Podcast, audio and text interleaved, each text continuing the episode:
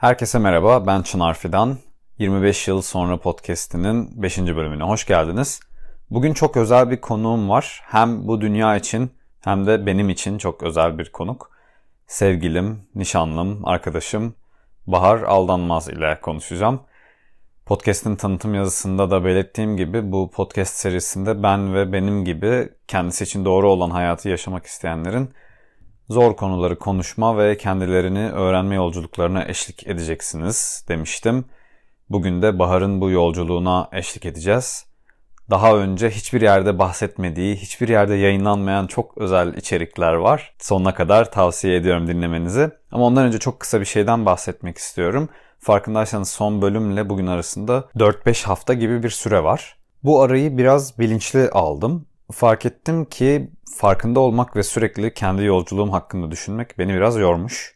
Ben bunun üstüne bir de bunu podcast'te anlatacak formatta düşünmeye ve anlatmaya da enerji harcadığım için bu yorgunluk biraz katlandı. O yüzden son 4-5 haftada kendime izin verdim. İzin verdim dediğimde tam zamanlı olarak girişimim üzerinde çalıştım ekibimle.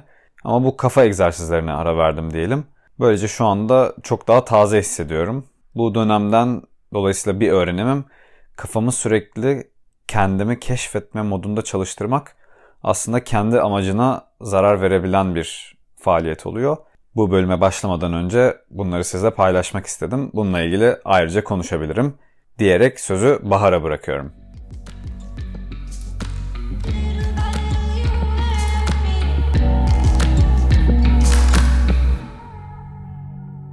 Merhaba Bahar, hoş geldin. Hoş bulduk Çınar.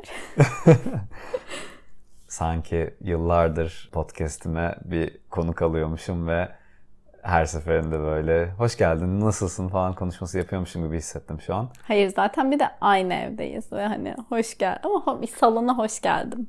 Ya şimdi bugün konuşacağımız konuları aslında biz her gün konuşuyoruz bir yandan da. Öyle düşününce sanki çok yeni bir şey konuşmayacakmışız gibi geliyor. Ama sana çok güzel sorular hazırladım. Eminim bir kısmının cevabını ben bilmiyorum bile. Ben biliyor muyum Bilmiyorum. Göreceğiz bakalım. Yani normalde bir de sen mikrofonu tutan kişi oluyorsun işin gereği. Araştırmalarında röportajlar yapıyorsun, mülakatlar yapıyorsun. Soru listen üzerinde bile böyle haftalarca çalışıyorsun. Ben o kadar çalışmadım soru listem üzerinde. Ama güzel bir soru listem var. Ama korkuyorum seninle röportaj yapmaya çünkü... Niye?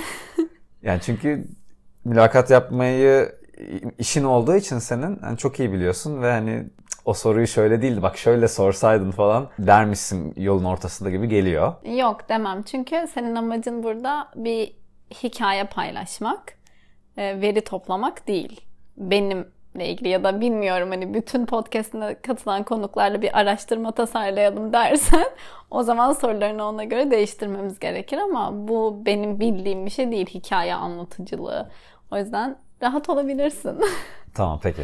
Hikayeyi ben anlatmayacağım bugün. Bakalım senden dinlemeye çalışacağız. İlk sorum şu sana. Biliyorsun podcast'ın adı 25 yıl sonra. Sebebi ise babamın ölümünü ve sonrasında yaşadığım hayatın bugünkü bana etkilerini 25 yıl sonra konuşmaya başladığımı paylaşıyorum. Bu sebeple böyle bir isim koydum.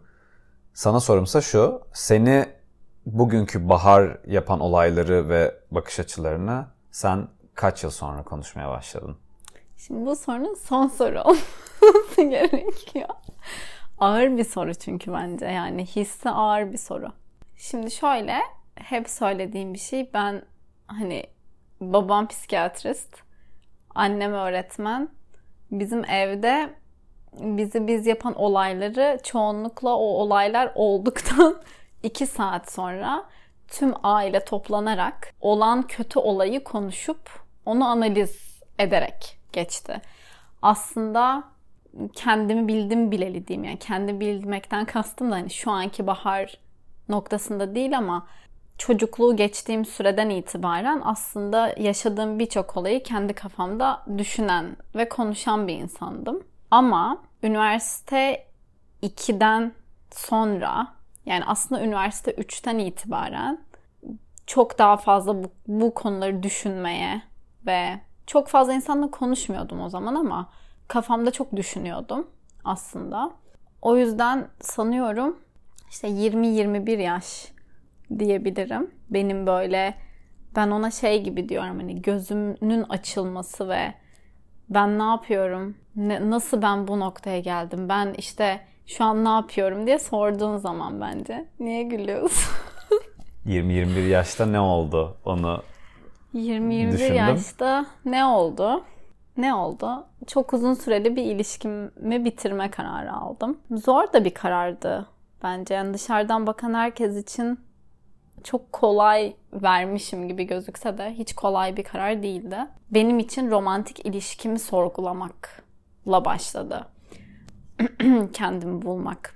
Kimseyle de bunu, seninle konuştuğumuz bir şey ama böyle hikayelerimde paylaşmadığım, hani ne bileyim işte o başarılı Bahar'ın e, hikayelerinde çoğu zaman anlatmadığım bir hikaye. Zor da bir hikaye benim için ama beni bahar yapan olay olayların başlangıcı bence o. Daha sonra bizim üniversitemize exchange'e gelen biriyle tanıştım. Rafael ismi. Birazcık onunla da çok fark ettim.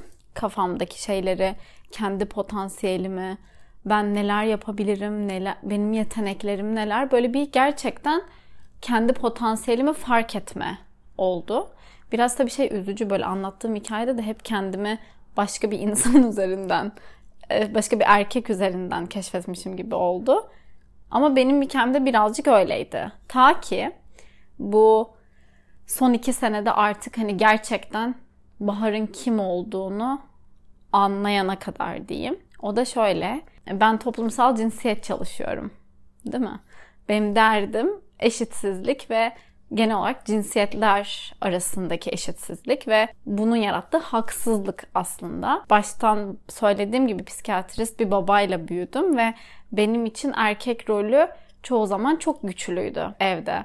İşte babam doktor olmuş. Hani psikiyatrist hani etrafımda çok insanın psikiyatrist babası yoktu yani.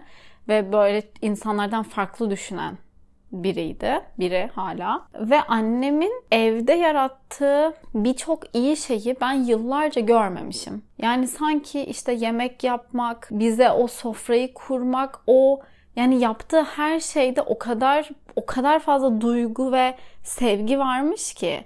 Ama benim için o işte eril enerji, üretken, çalışan, daha çok dışarıda kendini gösteren, dişli olan, sert olan, hep daha güçlüydü. Ve hep ben o baharı besledim.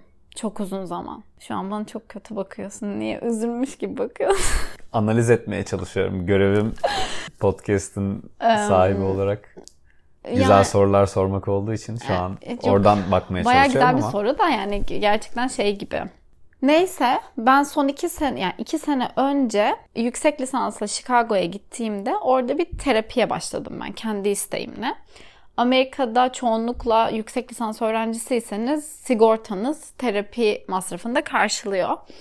Ben orada kendim çok gitmek istedim. Yani inanılmaz. Hani yıllarca aslında terapiyle ilgili konuşmuşum ama ben kendi terapime başlamamışım. Orada bir terapiye gittim. Yabancı biriyleydi. Yani terapistim yabancı, Amerikalı biriydi. Bir sene devam ettim. Hiç aksatmadım ama böyle çok da fazla aradığım bu kafamdaki sorulara yanıt bulamadım. Daha sonra e, bundan iki sene önce Türkiye'de terapiye başladım.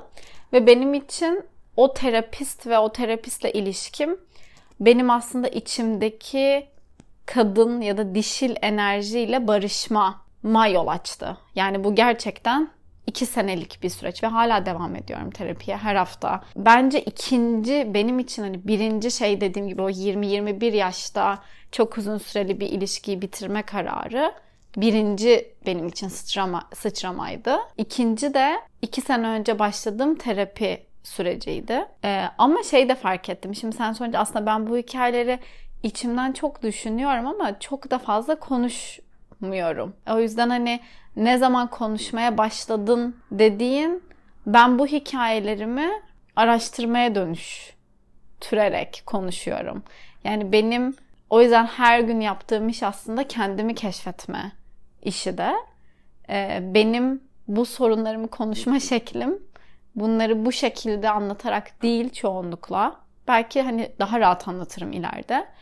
Ama benim için işim aracılığıyla bu deneyimleri keşfetmek ve benim deneyimim çok biricik ve çok özel değil bence Türkiye gibi bir yerde. Ee, benzer hikayeler yaşayan bir sürü kız çocuğu ve hani kendini kadın olarak tanımlayan birey vardır. O yüzden çok biricik bulmuyorum ama dediğim gibi yani benim deneyimim benim için bir yani benim deneyimim benim için bir su kaynağı ama o bambaşka canlılara yaşam sunabilecek bir kaynak. Ya ben o kaynağı o hale getirmek için e, her gün kalkıp çalışıyorum aslında.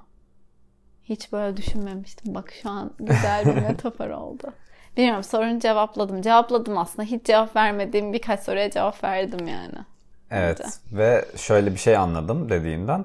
Tamam hepimiz bugün yaptığımız işi ya da ilgi duyduğumuz şeyleri belli sebeplerden muhtemelen yapıyoruz. Geçmişteki bir hikayemizin devamı olarak ya da bir şeyden etkilenerek vesaire. Ama senin bugün yaptığın faaliyet, senin araştırma alanın, seni sabah gerektiğinde 6'da mülakat için uyandıran o içinden gelen güç senin hikayenle çok bağlantılı. Hı hı. Tamam, geçmişinde çok ilgisi var bugün olduğun kişinin. Peki tam nerelerden geliyor bugünkü Bahar'ın parçaları? Aslında buna biraz cevap verdin. İçindeki o bilmiyorum yanlış ifade ediyorsam düzelt beni ama belki başarılı olmak isteyen kişi o eril enerjiden geliyor dedin. Ailende öyle olduğu için yani başarı eril bir kavram olduğu için değil. Hı. İşte son iki yıldır ya da üç yıldır geçtiğin süreçte e, dişilik ve kadınlıkla ilgili kendinde keşfettiğin şeyler olduğunu söylüyorsun. Başka neler var sence ve bunlar nereden geliyor? Örneğin köpek sahiplenen Bahar nereden geliyor? Spor yapan Bahar nereden geliyor? İyi bir sağlıklı bir vücuda sahip olmak isteyen, iyi beslenen Bahar nereden geliyor? Şimdi bence en hani en en sevdiğim sorudan başlayacağım. Köpek sahiplenen Bahar nereden geliyor sorusu. Ben şeye çok inanıyorum. Böyle bir e, sezgisel karar almak. Benim bugüne kadar aldığım kararların çoğu çok sezgiseldi. Yani çoğu zaman çok rasyonel kararlar aldım. Yani şey olarak hani bayağı hani rasyonel seçim şeklinde rasyonel karar almak hani böyle oturup kar zarar hesaplamak hiçbir zaman yapmadım. Sezgilerimi ve hislerimi ve duygularımı çok yoğun hisseden bir insanım. Buna bazı insanlar mesela Barış gülüyordu hani şu an gülmüyor ama hani böyle ya saçmalama sen de öyle değildin çok yoğun hissediyorum. Yani böyle e, bugün ne yemek isteyeceğimi bile çok yoğun hissediyorum. Yani bedenimin ne istediğini, bu süreçte neye ihtiyacı olduğunu falan çok çok gerçekten çok yoğun hissediyorum. Köpek sahiplenmem de çok öyle oldu. Çok bir anda köpek sahiplendik. Ama ben çok uzun zamandır düşünüyordum aslında. Yani benim için böyle hadi köpek sahiplenelim olmadı. Kendime yazdığım birçok e, günlükte hani kendime yazdığım mektuplarda belli bir yaşta köpeğim olması hayalim hep var mesela. Bence bu da annemden öğrendiğim, benim terapide hani şu ana kadar ulaştığım sonuç.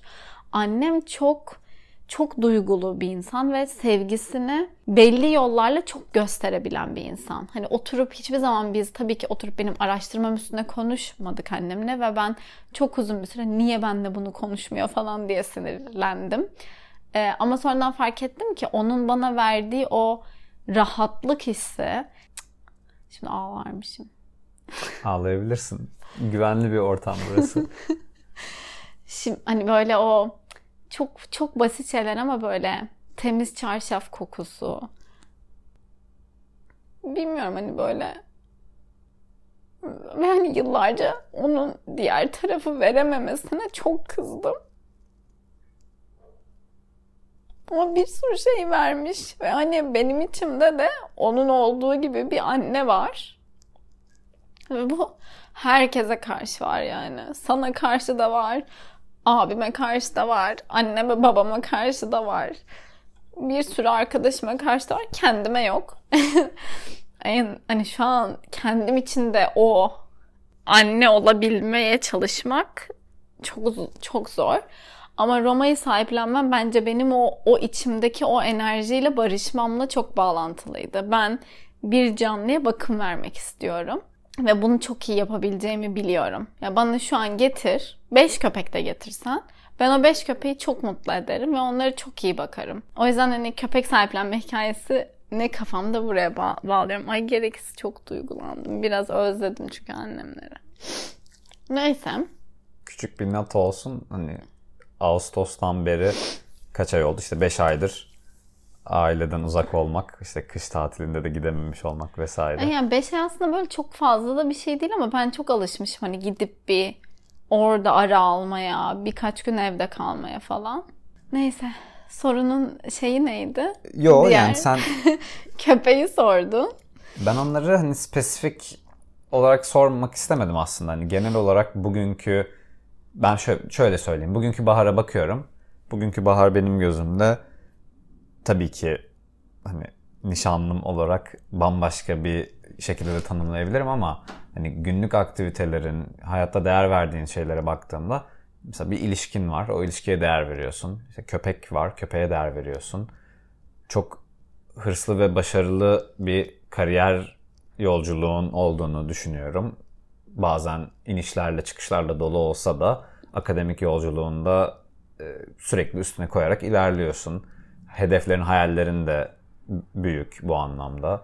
Bunun yanında sağlıklı beslenen, spor yapan bir insansın ve o senin için bazen akademik kariyerden çok önemli, çok daha önemli hale geliyor. Çünkü o bedenin ve sağlıklı beslenme hani takıntın diyeceğim ama olumsuz anlamda söylemek istemiyorum.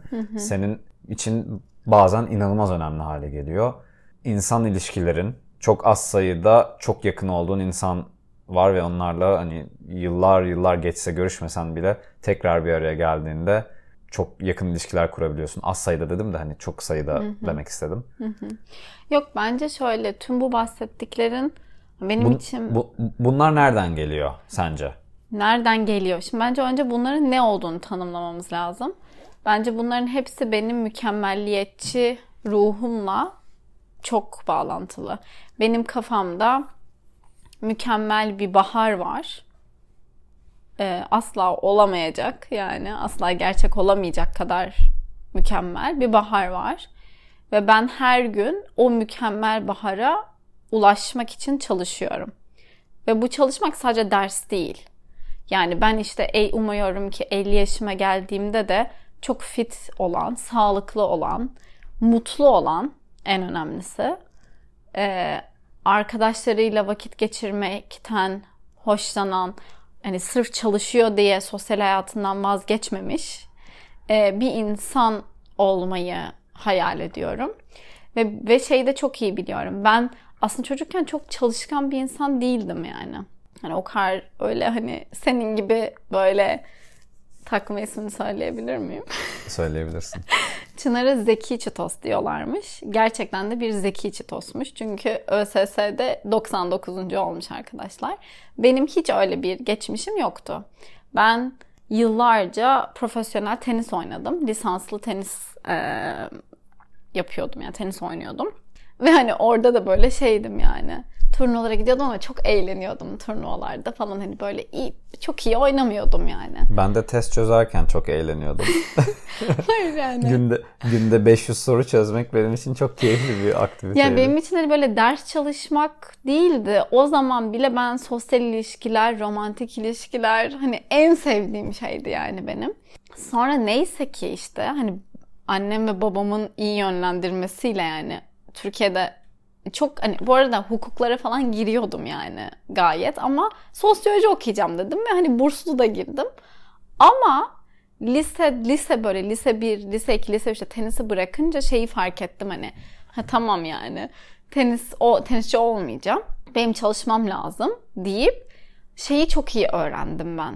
Ben çalışınca çok iyi yapıyorum. Yani nasıl çalışmam gerektiğini inanılmaz iyi öğrendim ve o böyle tam bir şey bence.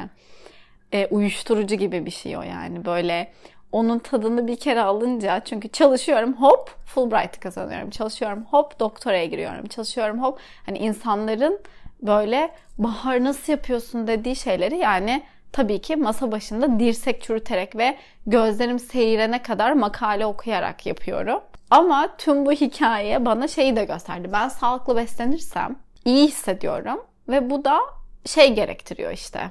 Disiplin ve bende de o çok var. Yani benim öz disiplinim çok yüksek bence. O yüzden bu sabah da mesela E, bir makale okudum. İsviçre'den bir doktor öğrencisinin yazdığı bir makaleydi. Çok sevdim. Ona yazdım. Ne olur konuşalım Zoom'dan dedi. Ama onun saatine göre bize göre sabah 7 oluyordu ve ben hiç üşenmeden sabah 6.30'da kalktım bugün. Ve onunla konuşurken çok keyif aldım. Şimdi bu işte bunların hepsi bahsettiğim şey mükemmelliyetçilik. Okey bu hani bir tanım oldu. Bu arada söylemedin ama Yemen'de bir sosyal politikalar uzmanıyla da bizim saatimize göre sabah 4.30'da mı ne mülakat Görüştüm. yapmıştın. Ee, sırf onunla görüşmeyi kaçırmamak için çünkü sahada çalışan biriydi.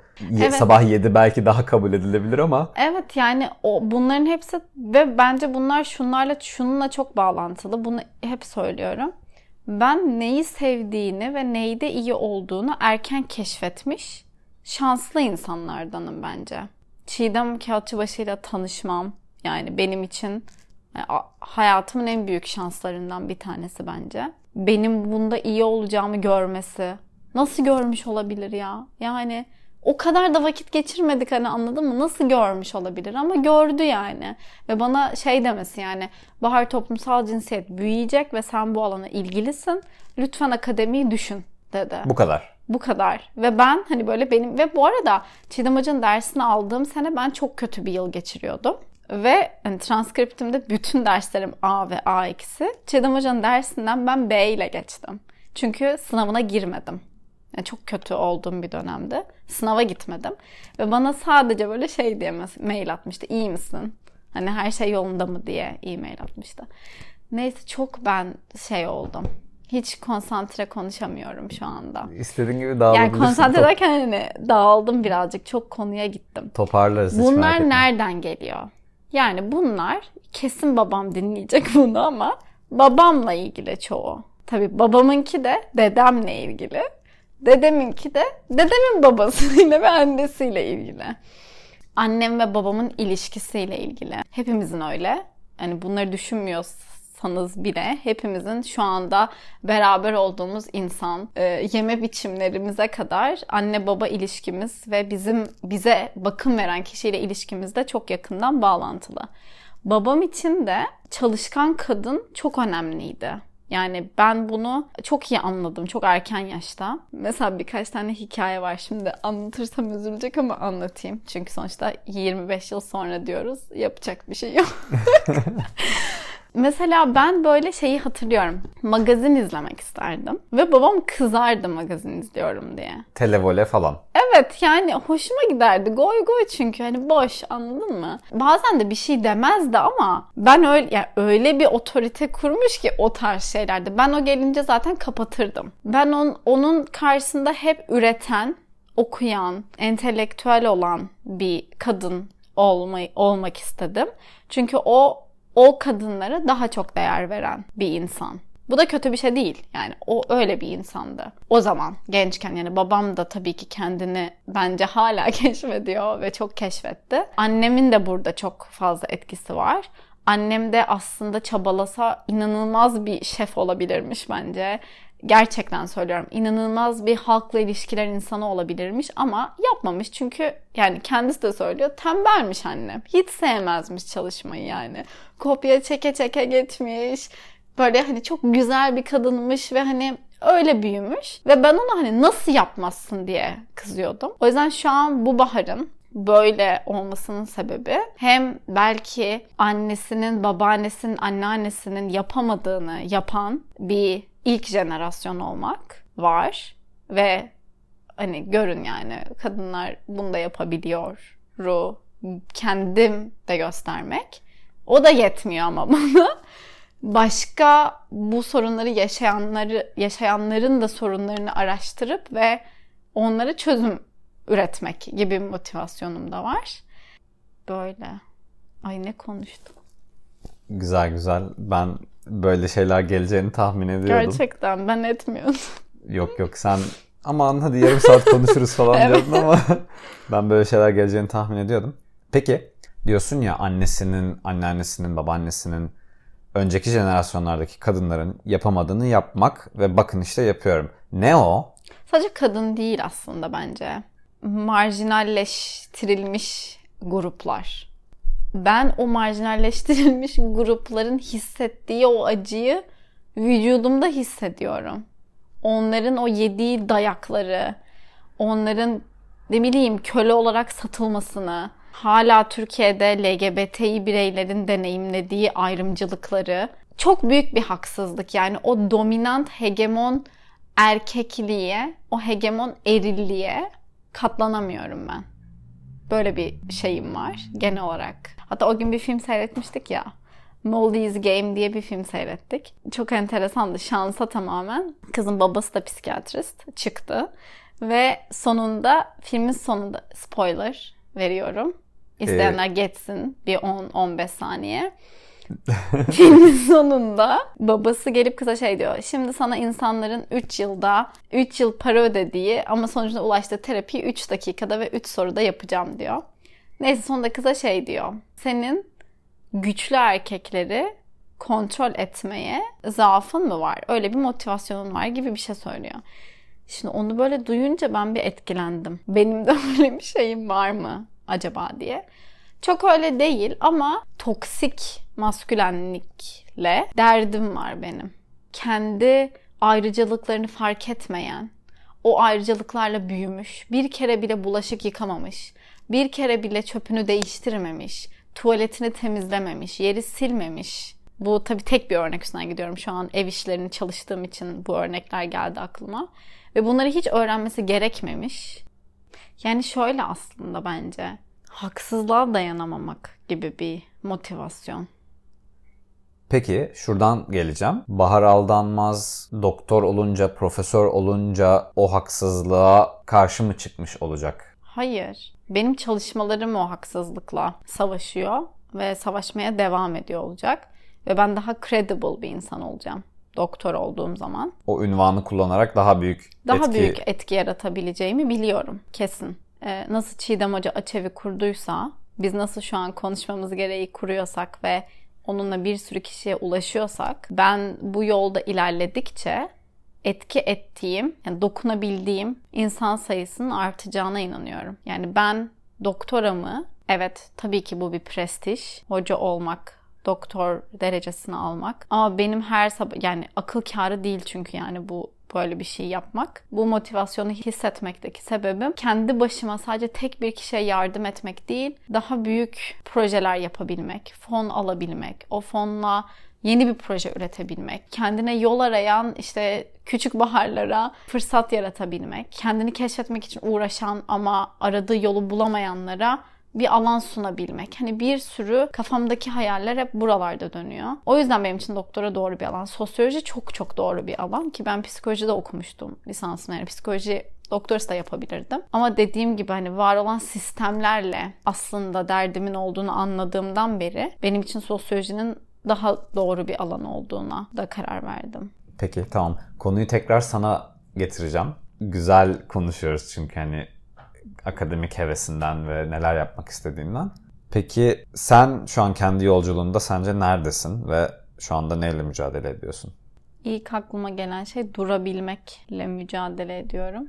Duramamakla.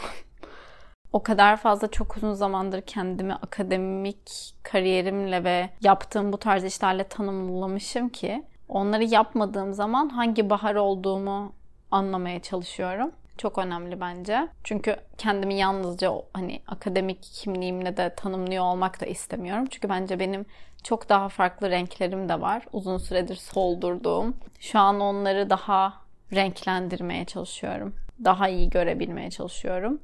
Hayatın Yan, ya çünkü bu çok uzun bir yol. Benim girdiğim yol. Yani önümde en az, en az 4 sene daha doktora yapacağım. Doktora bitecek. Belki postdoc yapacağım. Sonrasını bilmiyoruz ama hayatım boyunca araştırma yapıyor olma ihtimalim çok yüksek. O yüzden tüm bu yoğunlukta ve bu kafa yoğunluğunda benim zihnime nefes aldırmam ve zihnimde pencereler açmam çok önemli. Ve bilmiyorum bunu hala. Nasıl açacağımı. İşte böyle meditasyon falan. Hani bana çok iyi meditasyon yapıyorum da aşırı aşırı zihnimde pencere açmıyor. Hani benim için bu işte koşmak öyle. E, şu an hani işte yaptığım spor öyle. Bitkilerle uğraşmak öyle. Bitkileri çok seviyorum. Dediğim gibi yani masa başında bunları düşünüp yazmayan baharken ben kimim? Biraz onu anlamaya çalıştım bir dönemdeyim ben. Bitki sevgin bana da bulaştı. ben de kendime bir okaliptus bir de küçük bir bonsai aldım. Ama çok iyi hissettirmiyor mu? Yani Okaliptus böyle- almadın sen. Okaliptus Aloe vera. dedim. Özür dilerim. Aloe, Aloe, vera vera. aldın. Okaliptus dedim. Pardon. Aloe vera aldım. Tamam isimlerini henüz çok iyi bilmiyor olabilirim ama şu anda masamda duruyorlar ve gerçekten hiç tahmin etmediğim kadar iyi hissettiriyor. Arada kendimi onlara dokunurken yakaladım. Aa, Evet, sana söylemedim. Çok garip geldi. Canlı bir şeye dokunduğumu ilk defa hissettim. Yani şu ana kadar, yani eminim daha önce benzer bir şey hissetmişimdir ama işte dışarıda bir ağaca dokunmak ya da evdeki, salondaki bir bitkiye dokunmaktan farklı hissettim. Hmm. Nedense belki ilk kez kendine bitki aldın ya. Evet. Kendin için aldın ilk kez.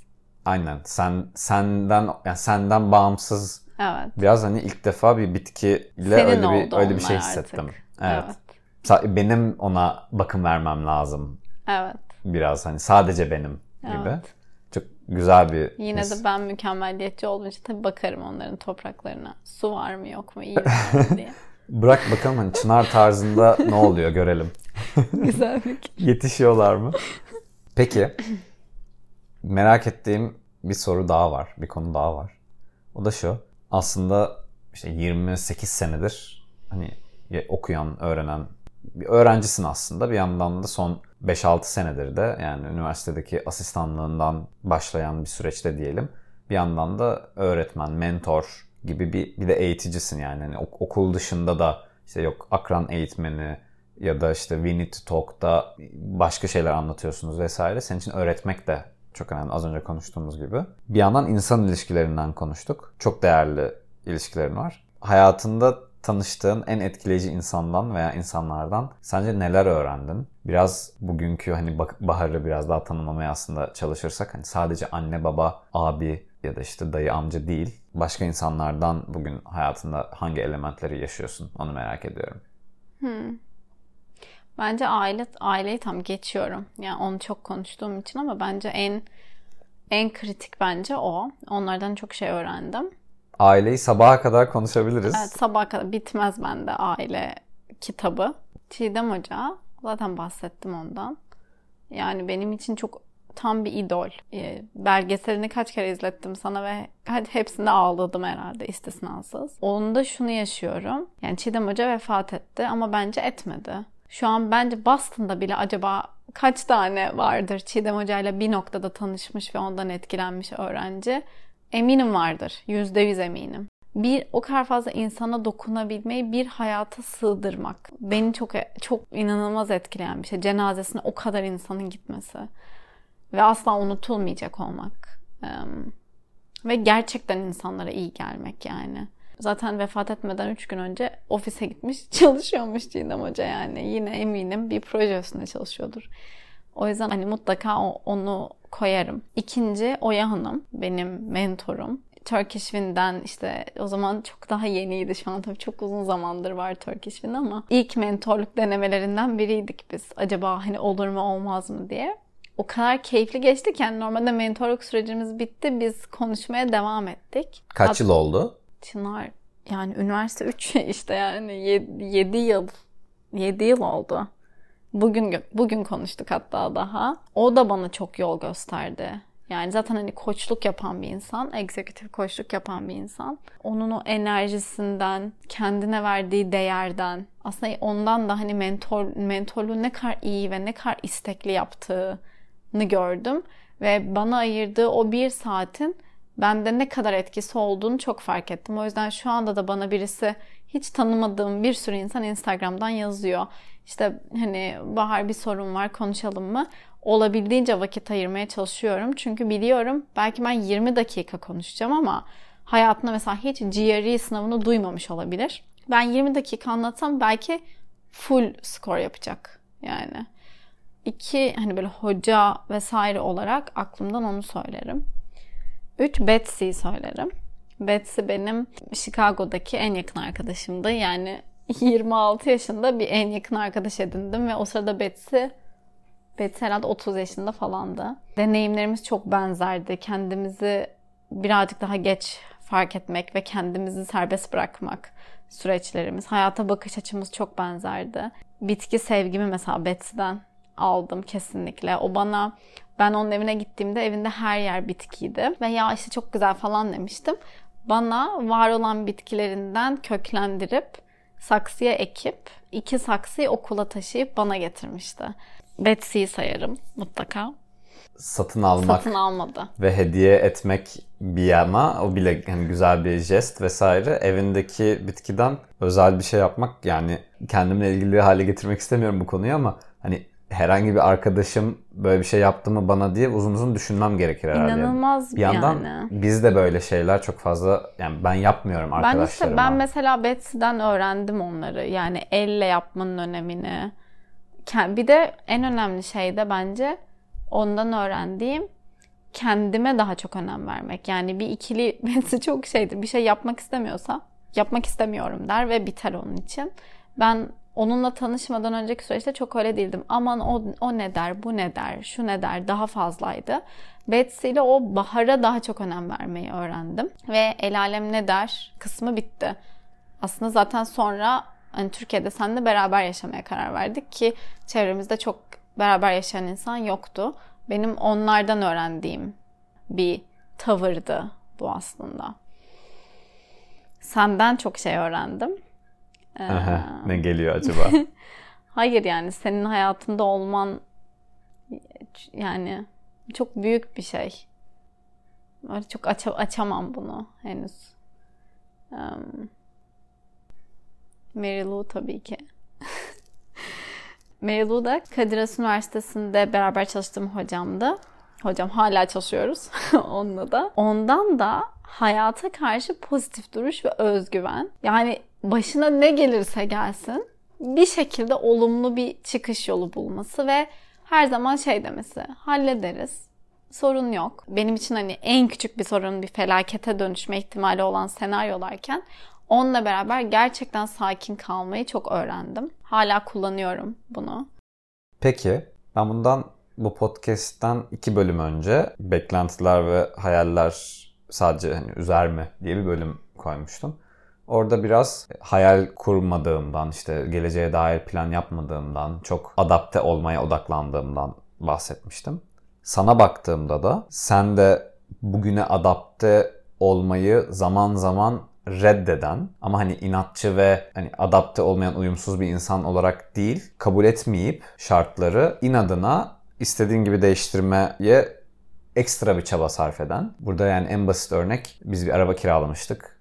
Son dakikada arabayı değiştirdi şirket. Bahar arabayı beğenmedi. O veya bu sebepten önemli değil. Ben biraz daha ya o arabayla da gideriz. Değiştirmeye gerek yok modundayken Bahar ne yaptı ne etti şirketi bana arattırdı. ısrarla telefonda böyle yarım saat falan beklettirdi ve işte problemi çözdü. Hani istediğimiz tarzda bir arabayı alabildik. Bu şu anda aklıma gelen en basit örnek. Yani bunun gibi oturup yazsak yüzlerce çıkar. Bu bahar nereden geliyor? Ve bununla bağlantılı olarak da geleceğe dair hayali de bundan 30 yıl sonra kurduğun hayalde hava durumu nasıl veya üstündeki kıyafet ne, ayakkabının rengi ne detayına kadar kurmak nereden geliyor senin için? Hmm, güzel bir soru. Önce bu bahar nereden geliyor? Bir tane bir fotoğrafımız var. Klasik bir fotoğraf bu. Kesinlikle onu almamız lazım. Eve, eve koymamız gerek o fotoğrafı. Şimdi benim baba tarafımdan şu an iki kuzenim var. Birisi Öncel, diğeri Gizem. Öncel bizden çok daha sonra doğdu. O yüzden Öncel'in olmadığı bir dönemde. Gizem, Barış ve ben yaş- birbirimize çok yakın yaşlardayız. İşte Gizem 90'lı, Barış 89'lu ya da 90'lı. Hani Barış'la aynı yaşta gibiler. Bu arada Barış abin. Barış abim. Bilmeyenler Ben de için. 92'liyim. Çok yakınız yani. Ve babamın babası, Öncel dedem ve babaannemin yazlığına gidiyorduk hep beraber. Dedem de yazlığın başkanıydı. Ee, ve böyle şeyi olan bir insan hani çok havalı bir karakterdi. Force'u var yani. Çok force'u var. Her yerde çok force'u var. En sevdiğim şey orada böyle bakkala gidip dedemin hesabına her şeyi almaktı. Neyse şimdi tabii Barış tırnak içinde erkek torun ve dedem bayılıyor Barış'a. Şöyle bir soru sorardı. Gizem, Barış ve bana. Dedenin canı kim derdi. Biz Barış derdik. baya baya şey. Bu arada hani dedemle aram inanılmaz iyiydi sonradan yani. Hani hiç hani öyle bir şey değil ama erkek torun sevdası olan Adanalı biriydi yani dedemde. Şimdi Barış'a akülü motosiklet almışlardı. Bir de ayrıca bisikleti vardı. Gizem'in bisikleti vardı. Bana Adanalılar bilir böyle yazlığa giderken böyle bakkalların üstünde böyle plastik küçük bisikletler satılır ya. Bana da onu almışlar sağ olsunlar. Gitmiyor bisiklet. Yani benim ayaklarımla sürmem lazım. Şöyle bir an var. Yarış yapıyoruz. Barış'ta akülü motosiklet, Gizem'de bisiklet, bende o küçük bisiklet var. Babaanneme Çınar. İt beni diyorum. Onları geçmem lazım. Yani babaannem hala gülüyor bu hikaye anlattığı zaman. Böyle bir fotoğrafımız var. Babam da çekmiş bunu. Bence oradaki Bahar. Yani bu birazcık bence hani bana sorarsan genetik bir tarafı da var bunun. Abim de çok hırslı bir insan. Babam da çok hırslı bir insan. Dedem de öyleymiş. Babaannem de öyleymiş yani. Hani genetik tarafını geçiyorum. Bence hani temperament olarak öyleyim. Ama hani bu bahsettiğimiz hırs. Diğer taraftan istediğini yaptırma hikayesi de şey dedim ya başlangıçta ben vücudumun ve kendimin neye ihtiyacı olduğunu biliyorum. Biliyorsam onu yapmam lazım. Çünkü o zaman hani ben biliyorsam ki benim A'ya ihtiyacım var şu an. B olunca mutlu olmam olurum yani eğer değiştiremiyorsam. Ama değiştirmek için her şey yaparım kesin. Zaten annem benimle hep dalga geçiyor. Mesela işte bir sürü kurumla çalıştım ben bugüne kadar. Yani isim vermeyeyim ama yani herhalde oranın böyle muhasebesi, daha admin işlerle uğraşan insanlar kesin oturup beni konuşmuşlardır. Yani yüzde yüz eminim buna. Çünkü bir şeyde sorun varsa ben çözerim. Yani giderim ve hani hatta Mary bana şey derdi. Sen halledersin. İşte bana bir isim koymuştu. Shark Sister diye. Ee, hani bir sorun varsa gidip onu böyle çözmek. Çünkü hani bilmiyorum üşenmemek de aslında yani. Nerede açına bilmiyorum. Bu sorunun cevabı galiba yok bende. Hani böyle bir hikaye anlattım ama neredeni bilmiyorum. Ben mesela sana kıyasla çok şeyimdir. Yani aslında ben de çok istediğim bir şeyse inadına gider yaparım yaptırırım falan. Ama böyle hani savaşlarımı seçerim gibi hissediyorum. yani e, örneğin bir saat harcamam gereken bir şey ve karşılığında alacağım şey çok bayağı bir şeyse bazen aman o bir saati harcayacağım ama yarın bunu yaparım işte olsun buna da uyum sağlarım mı? Ben çok sık söylüyorum. Çok fazla şeyi seçmemi yani yapmamayı seçe, seçiyorum sana kıyasla. Sen de o o çok güçlü bir his yani masadaki bir yemeğe karabiber atmak istiyorsan ve evde karabiber yoksa gidip alırım. Markete gider alırsın. Evet, kesin alırım. Ya şöyle bence bu iyi bir şey değil yani. Bunu bazı konularda iyi bir şey, bazen de değil bence. Esnemeye de çalışmak lazım. Çünkü bazen hani markete gidip onu alacak param olmayabilir. Alamam o zaman tabii ki. Yani aslında benim zaten hani o, o durumda zaten almak istemem. Yani anlatmaya çalıştığın şey ne olduğunu düşünmüyorum ama esnemeyi de bilmek lazım. Hatta şey şimdi bir arkadaşımız var Nazlı diye.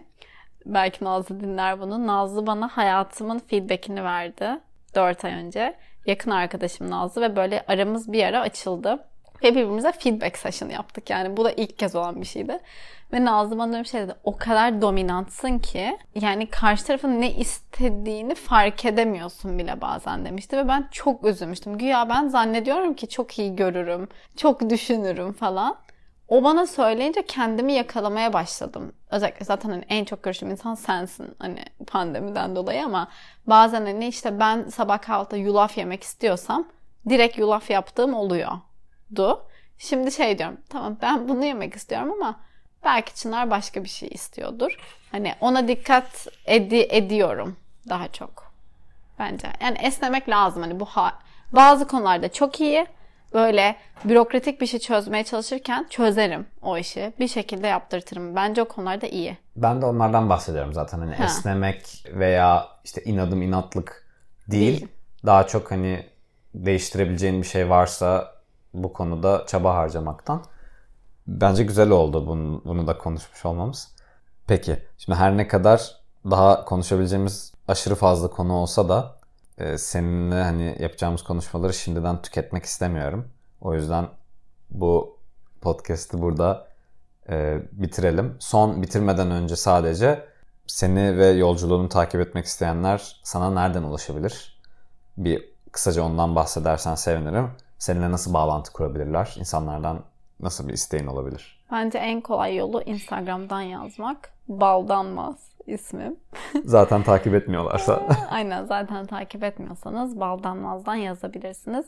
İsteğe düşünce de görüyorum bir şekilde bakıyorum haftada bir veya iki. Bunun dışında hani bir bu bana hani kişisel olarak bir soru sormak isterseniz Baldanmaz'dan yazabilirsiniz.